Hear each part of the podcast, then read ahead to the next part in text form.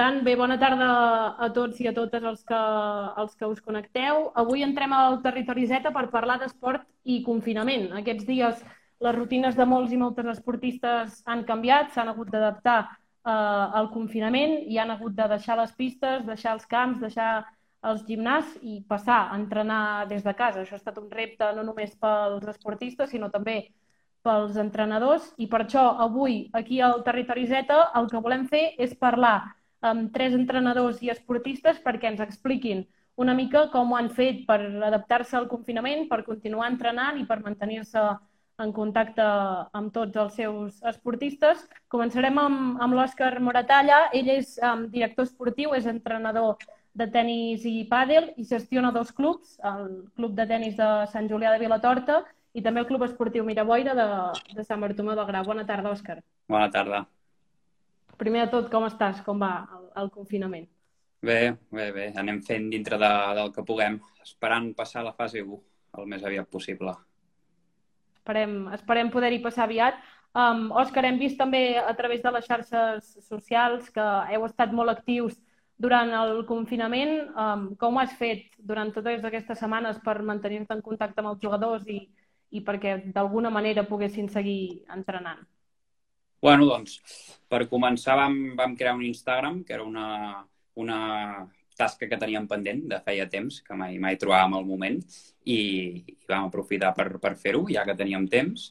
Uh, I després el que, el que vam començar, com tothom, va ser a fer reptes, no? que es va fer molt viral. Vam començar amb tots els reptes que hi havia molta pressió social i, bueno, tots ens motivàvem els uns als altres però això, de, tot, com tot lo social, deixa de funcionar ràpid, eh, dura una setmana o dues setmanes, i llavors ja ens trobàvem que els nostres jugadors doncs, no, ja no, no els hi feia gràcia i no els motivava a fer-ne.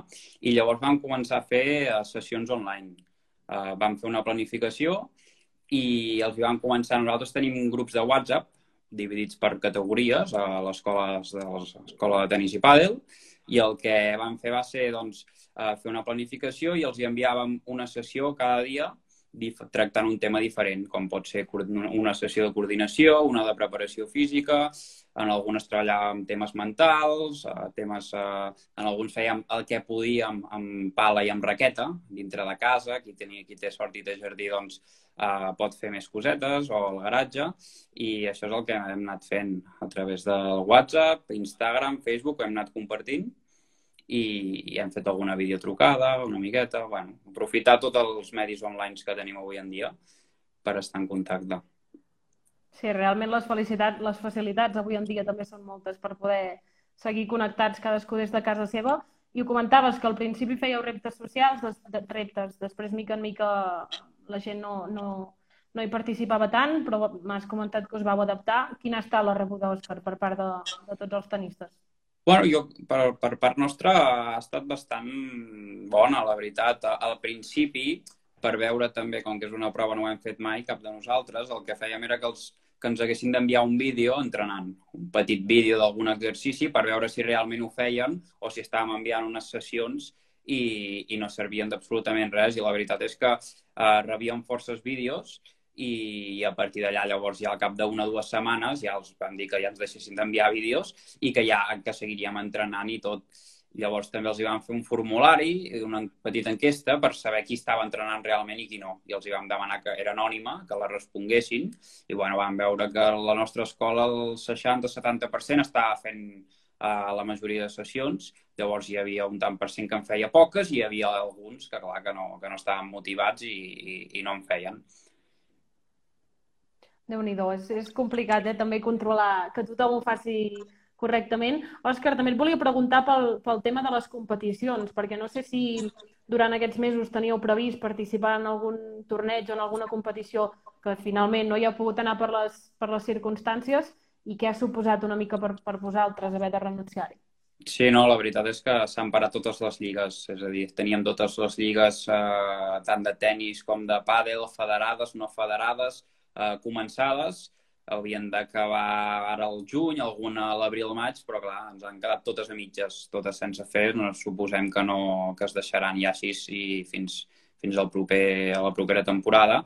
I el que sí que teníem pendent que sempre ens fa molta il·lusió. Nosaltres fem una excursió al Godó, per exemple, que és el torneig professional de tennis de Barcelona, que s'ha hagut de suspendre, que és, una, és un dels moments que esperen tots els alumnes de, de l'any, perquè clar, poden, anem tots junts amb autocar, veiem els, bueno, veuen els seus ídols, i, i això sí que bueno, ens, ens va molestar una miqueta, però bueno, hem de ser positius i, i esperarem que l'any que ve es pugui celebrar i puguem anar-hi més ganes encara. I aquests últims dies també hem vist el, a l'Instagram que heu estat penjant fotos dels, dels casals que feu durant l'estiu. Imagino que de moment esteu una mica a l'expectativa encara, no?, de conèixer si, si el podreu fer o no. Sí, exacte. La veritat és que hi ha força desinformació, realment. Uh, jo crec que com que ni les institucions uh, saben què passarà perquè estan pendents de l'evolució, tampoc hi són molt prudents i fan ben fet en, en no informar o no dir coses fins que no se sàpiguen. I la veritat és que nosaltres, clar, no ens queda més remei que engegar-ho perquè nosaltres volem fer-ho i si ens ho permeten ho farem. Sí que, per exemple, estem fent promoció, encara no hem tret el cartell, entre altres anys el traiem abans, i no hem obert inscripcions, però la idea és fer-ho ja la setmana que ve i, i anar seguint la, la informació i anar-nos anar, anar adaptant a veure, a veure què podem fer esperem que ben aviat pugueu tornar a entrenar a les, a les pistes de tennis. Abans d'acomiadar-te, Òscar, per últim, què recomanaries a tots els, els esportistes i les esportistes que, que ens estan veient, que porten moltes setmanes confinats a casa i que no saben quan, quan realment podran tornar a la, a la normalitat? Bueno, jo els, jo els recomanaria que aprofitessin que tenim molt temps lliure, que avui en dia és una cosa que falta bastant, i aprofitéssim per, per entrenar. Bueno, sé, soc conscient que no, no es pot entrenar. A mi m'agrada el tenis i el pèl, no puc anar a una pista i jugar, que és el que realment m'agrada, però sí que es poden fer moltes altres coses per minimitzar o fins i tot millorar altres aspectes i, i bueno, al final la vida es tracta d'adaptar-nos i jo penso que ens hem de motivar per nosaltres, seguir una mica una rutina, també, una rutina esportiva. Ara nosaltres estem fent entrenar dilluns, dimecres i divendres, doncs que ho intentin seguir i intentar mantenir la motivació i ser positius per tornar el més aviat possible, havent perdut el menys ritme possible. Doncs ja ho sentiu, ser positius i esperar poder tornar a la normalitat i a les pistes el més aviat possible. Òscar, moltíssimes gràcies per, per estar aquí amb nosaltres avui en aquest especial d'esport i confinament. A vosaltres. Que vagi molt bé, gràcies. Igualment, Núria. Adeu. Adeu. Nosaltres continuem ara aquí al Territori Z en aquest especial d'esport i confinament. Ara connectarem amb una altra, no, en aquest cas, una entrenadora, connectarem amb amb una, amb la directora tècnica del Club Gimnàstic Vic per parlar també una mica de, de com s'ha adaptat, en aquest cas, la, la gimnàstica al confinament. Ara l'hem convidat a entrar aquí en live. Hola, Maria, bona tarda. Hola, bona tarda, Núria. Ja la tenim aquí. Ella és la Maria Sardine, ella porta la direcció tècnica del Club Gimnàstic Vic i també els entrenaments de dos grups, el grup de Via Olímpica i el grup de veterans. Maria, bona tarda. Bona tarda. Què tal? Com, com estàs? Bé, mira, com tothom, suposo que ja tothom comença a estar una mica cansat, es noten ja que són dos mesos, però parlant en termes de salut, no ens podem queixar, estem bé, per tant, a seguir fent bondat i quedar-nos a casa fins que puguem anar avançant de fases. Exacte, esperem poder avançar ràpidament. Maria, ho parlàvem ara amb l'Òscar, l'entrenador de tennis i pàdel, del repte que ha suposat per l'esport, haver-se d'adaptar a aquesta situació, per la gimnàstica, també ha estat així. Com ho heu fet vosaltres des del Club Gimnàstic Vic per adaptar-vos al confinament i per mantenir-vos en contacte amb tots i totes les gimnastes? Doncs bé, nosaltres vam intentar reaccionar al màxim de ràpid possible. Uh, nosaltres el, el dijous, crec que era 12 de març, ja no vam poder entrenar perquè ens van tancar la instal·lació, bueno, el pavelló, i llavors el que vam fer és des d'aquell dia, setmana a setmana, passem sessions d'entrenament online, que, bueno, unes sessions d'entrenament adaptades a cada grup d'entrenament i a cada edat i a cada, a cada nivell. Això setmanalment. A més a més, hem creat, bueno, com ens hem innovat uh, amb el món de les tecnologies, també hem creat un YouTube on hi ha una de les entrenadores, l'Ariana Álvarez, que fa dos vídeos setmanalment i els pengem allà perquè els gimnastes o inclús els pares ho puguin fer juntament a, a, amb els gimnastes, de sessions més generals, no tan específiques com les sessions que, a, que enviem per mail de gimnàstica artística.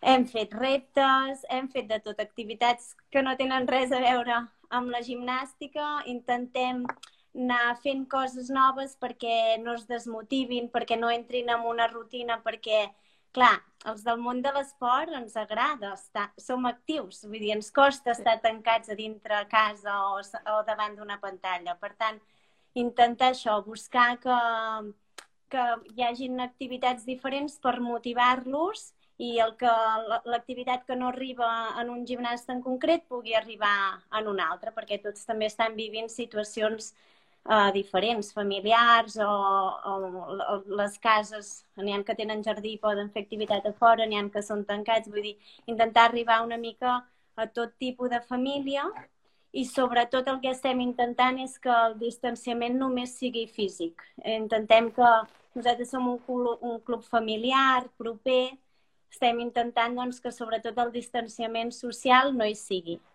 però bueno, uh, això, les xarxes socials ens ajuden, l'Instagram, el YouTube, tenim grups de WhatsApp amb els grups que fan més hores d'entrenament i, i la informació general tota la passem per correu electrònic perquè pugui arribar a totes les famílies. I així anem fent de moment.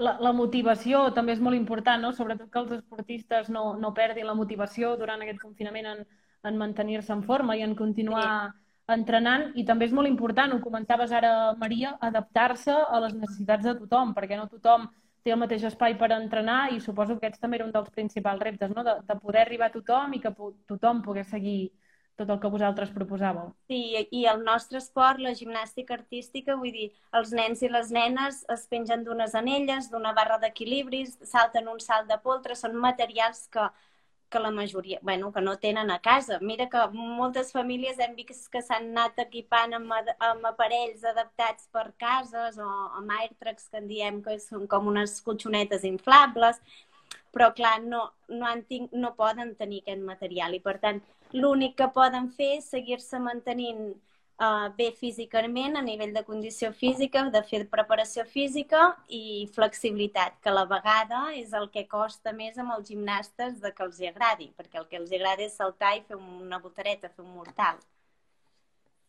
I justament, Maria, el confinament que va començar el mes de març, estem al maig, encara estem confinats, i en parlàvem justament al matí que precisament són els mesos que més competicions teniu vosaltres, no? Sí, nosaltres, clar, comencem la temporada al setembre, setembre, octubre, novembre, eh, és pretemporada, que és molt entrenament físic, que és el que ells ara estan fent a casa, que és la, el, el moment més dur o, o que els agrada menys perquè és, és això, més fer preparació física.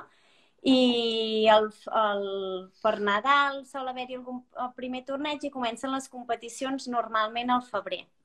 I llavors ja març, abril i va seguint. Clar, nosaltres ens vam trobar que només hem pogut fer aquest any la primera competició, la del febrer.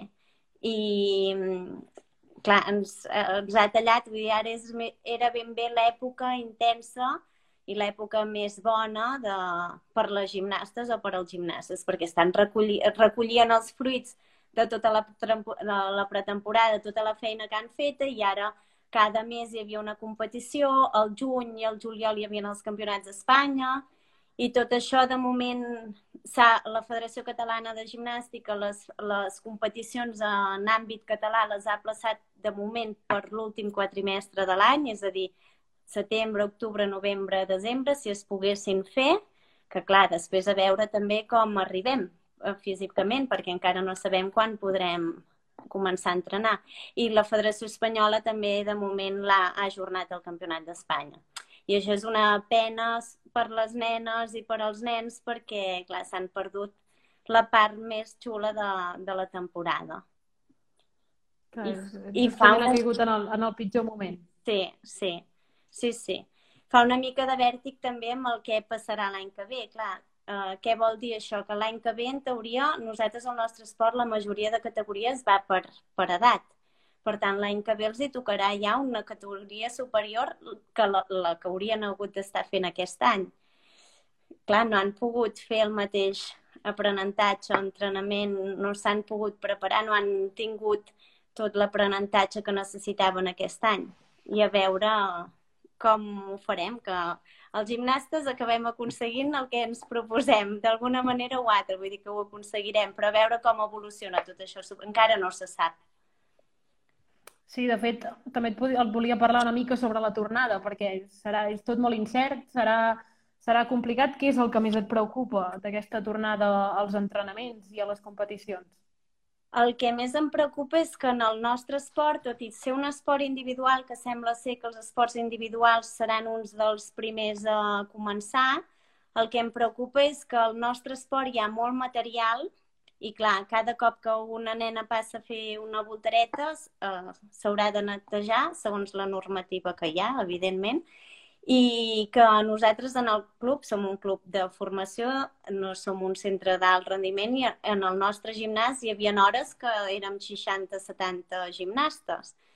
Què passarà amb tot això? Com Eh, això és el que em preocupa una mica més. Sí que em preocupa aquesta part amb les nenes de competició de veure què l'any que ve, però sobretot em preocupa a nivell de club com ho podrem gestionar, com estaran marcats els protocols, les ràtios, eh, per, per poder tirar endavant amb el club, perquè pugui, puguem seguir treballant els mateixos entrenadors i puguem seguir tenint el mateix volum de gimnastes, que jo sé que, que serà una cosa progressiva i que hi hauran eh, bueno, haurem d'anar seguint els protocols que, que ens vagin marcant i així ho farem i, i també seguirem, si no és innovant o maneres de trobar uns entrenen a fora, vull dir, buscant la, les maneres perquè per remuntar la situació. Uh -huh. I ja per acabar, Maria, igual que li he preguntat a, a l'Òscar, també t'ho preguntaré a tu. Què recomanaries a tots els, els i les esportistes que ens estan mirant i que estan doncs, a l'expectativa de saber quan, quan podran tornar, com ho podran fer, què, què els diries?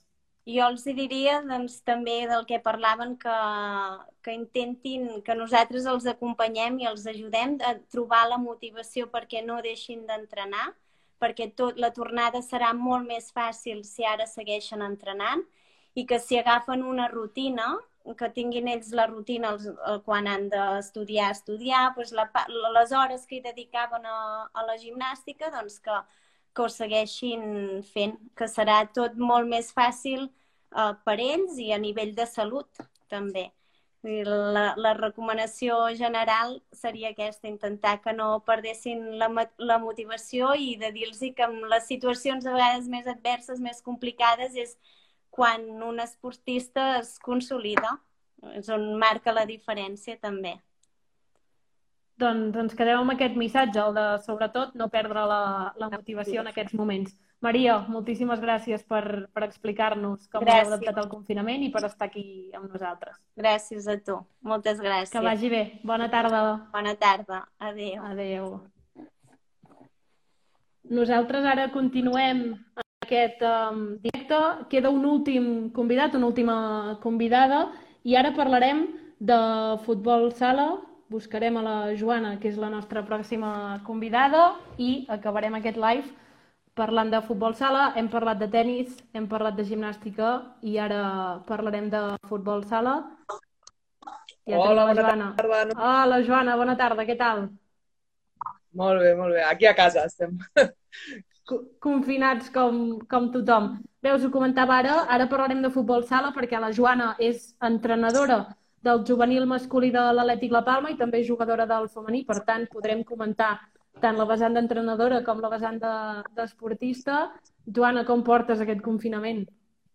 Bueno, pues, hi ha moments durs, hi ha moments més passables, però amb moltes ganes de fer esport. Inclús, mira, porto la samarreta l'Atlètic La Palma, del mono que tinc de, per, per poder jugar, saps?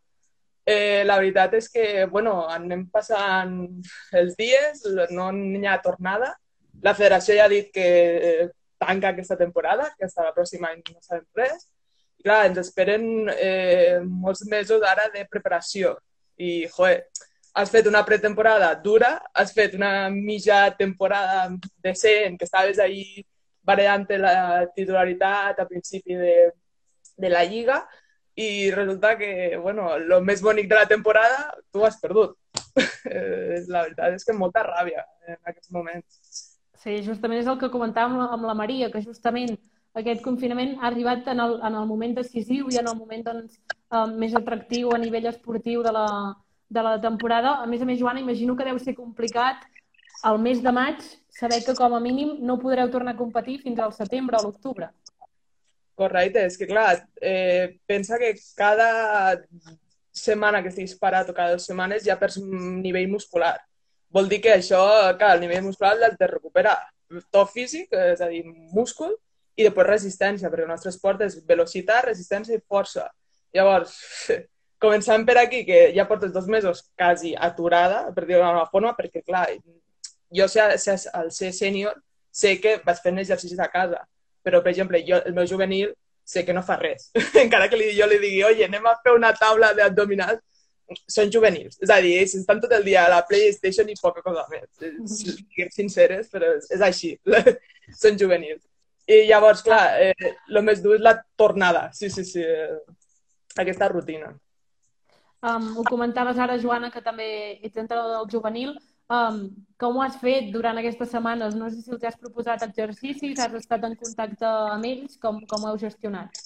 Correcte, doncs pues mira, jo vaig fent... Eh, tenim, bueno, per part de juvenil, el que estic intentant fer amb el Zoom, que és una videoconferència entre surten tothom, llavors, eh, com és, és complicat, perquè és, és a dir, o és algo molt divertit o no volem fer-ho, que és normal ells juguen al PlayStation, miren, eh, no sé, el Fortnite, que està molt de moda ara, eh, eh, altres coses de diversió. Llavors, clar, m'he tingut de reinventar totalment. Per exemple, he fet Kahoot, que són preguntes-respostes amb diverses, de diverses, diverses com d'història de futbol sala o coses que els han passat a ells o com està la classificació. Llavors ja hi ha una rivalitat ahí de competició que ens encanta a tots de futbol sala que estan constantment en plan, ah, no, jo vull jugar, jo vull jugar. I llavors li he posat també un premi d'un escut de futbol sala perquè s'ho poden posar a la samarreta. Així que, genial, saps? Eh, la veritat és que l'única manera que he trobat per fer així, o també estic fent un petits vídeos, resumen de, de la temporada. Va, doncs anem a analitzar en 5 minuts, però clar, una hora no el pots tenir. sí, una hora no el pots tenir. I com és complicat. I si no, ja després se pensa que és un examen i és molt complicat. I el que dèiem també, que exercicis tampoc els pots fer. És a dir, ells, eh, tu manaràs exercici i no el faran. Llavors, és tot en plan diversió, divertit. És a dir, eh, lúdic, que puguin aprendre el mínim, que no s'olviden de tot l'après, que és el més complicat, pues, no sé, defensa zonal, defensa individual, eh, defensa, eh, estratègies, pues, única resumen. I una mica ja, ja, bueno, para perquè portem molts mesos, intentant ja preparar la, tem la temporada vinent. És a dir, qui se queda, eh, què volem fer, quin és l'objectiu, etc. Així amb, amb ells, a poc a poc. I, I suposo que en aquests casos l'important també una mica és mantenir, um, diguéssim, una mica el, el contacte amb el grup per no perdre totalment també el contacte entre vosaltres i tot i estar cadascú a casa seva, doncs seguir parlant, seguir estant en contacte no? una mica en el dia a dia. Correcte eh, sobretot eh, el juvenil els passa molt, és a dir, que eh, no sé, tenen rabietes i desconnecten. Jo tinc jugadors que han entrat, hi ha alguna setmana que entren, hi ha altres setmanes que se desconnecten, hi ha altres... És complicat, també. És a dir, tenen les hormones molt alterades. Llavors, sempre tenir, pues, això, al fer jocs i a fer competició els encanta i és l'única manera de mantenir-los durant aquests mesos eh, hi haurà un moment que, clar, eh, a l'estiu ja no podrem seguir aquest ritme i ja després ja prepararem, per, si podem ja sortir a exterior, pues, preparar la temporada. Amb el sènior ha sigut una mica més diferent, perquè, clar, som grans, eh, ja tenim unes rutines adquirides, és molt més fàcil. Eh, L'entrenadora ens ha pogut mm, enviar vídeos pues, per mantenir pues, tonalitat de la musculatura o el cardio, etc. Eh, també el Palma Sec, que és un, un Instagram live que nosaltres fem, pues cada una, pues, di, crec que era dilluns, dimecres, divendres, cada una de les jugadores feia alguna activitat, pues, zumba, o ens ensenyaven a fer yoga, o... i llavors, vulgui o no, em mantenia tot el grup unit del sènior, que era també molt divertit. I també servia per desconnectar una mica d'aquesta por constant del Covid, de sortir, de, de despejar-se. Així que, bueno, vull o no, eh, som un grup molt, molt unit en aquest sentit. De fet, el compte d'Instagram que ara em comentava Joana, que es diu Palma Seca, està connectat aquí al live i han enviat un missatge que diu gran entrenadora i gran companya d'equip, per tant, et donen, et donen també suport en aquest um, live. I, Joana, també et volia preguntar una mica, ara m'has comentat que ja esteu mirant una mica també de cara a la temporada vinent, perquè sabeu que la competició s'ha acabat. Què és el que més us preocupa una mica de la, de la tornada de cara a passat l'estiu? Jo crec que, és que hi haurà una altra forma de jugar a futbol sala. És que és un... El, el problema del nostre és que és, un, és una competició en grup i de contacte. Llavors, clar, fins que no estigui resolt el confinament i el tema Covid i que tot tingui seguretat i tal, no sé com ho resoldran això. Llavors, suposo que serem dels últims, com anteriorment comentàvem que la gimnàstica vale, és individual i serà més probable que entren els primers esports, eh, nosaltres segurament som els últims en entrar, perquè el que et dic és que estàs constantment tocant una persona, estàs constantment, constantment pegant patades, per dir alguna cosa, i llavors serà complicat la tornada. No, no sé com ho faran. Saps? No, no sé si hi haurà controls que ara futbol base estan fent futbol 11, doncs el gran estan fent directament controls diàriament i abans d'entrenar i cada un ve vestit de, de casa. Però clar, és que al vestuari hi ha 20 persones i passen 50 més, saps? I al futbol estàs eh, posant la mà i estàs posant el peu i, bueno, pues no ho sé, no ho sé. És tot, totalment una incògnita, totalment. Així que ja ho veurem sobre la, la marxa, segurament. Hi ha molta incertesa de moment en com es podrà reprendre tota l'activitat eh, esportiva. Joana, ja per acabar, acabaré de la mateixa manera que he acabat abans amb, amb l'Òscar i amb la Maria. M'agradaria que amb una recomanació, alguna recomanació que fessis doncs, als esportistes, entrenadors i a tothom que porta setmanes confinats a casa i que estan també amb la incertesa que estem tothom de saber quan podrà tornar l'activitat esportiva. Correcte, doncs jo demanaré, bueno, dic un missatge d'ànims, molts ànims, molta força. Eh, som molt actius, jo encara que estigui a casa faig exercici, tothom fa exercici, les meves companyes eh, es mouen. Eh, fem, ens encanta l'esport i seguim fent esport. Per mi no és una barrera, sinó una forma de reinventar-se esportivament eh, per això amb molta força, amb molts ànims i que això té un final, segur, sigui d'aquí un mes o sigui d'aquí sis mesos. Així que mm, força. I cada dia estem més a prop d'aquest final, segur que sí. Joana, moltíssimes gràcies per acompanyar-nos avui en aquest especial d'esport i confinament. Moltes gràcies per l'entrevista. Núria, que vagi bé. Bona tarda. Que vagi bé, moltes gràcies. Adeu. Doncs bé, fins aquí aquest live especial, que avui hem volgut fer doncs, aquest vídeo en directe parlant d'esport de, i confinament. Hem sentit tres veus de tres esports diferents, de tennis i pàdel, de gimnàstica i de futbol sala. Hem vist com cada esport s'ha hagut de reinventar en aquests moments difícils de confinament, però tots ells han continuat endavant, han continuat entrenant, mantenint-se en contacte amb tots els esportistes i això, en aquests moments difícils, doncs és el més important i bé, seguirem tots amb aquesta incertesa de saber quan finalment doncs, podrem recuperar la normalitat pel que fa a l'activitat esportiva. Moltes gràcies a tots i totes el que ens heu seguit en aquest uh, directe i nosaltres, com sempre, ens retrobem demà a les 7 de la tarda. Que vagi molt bé!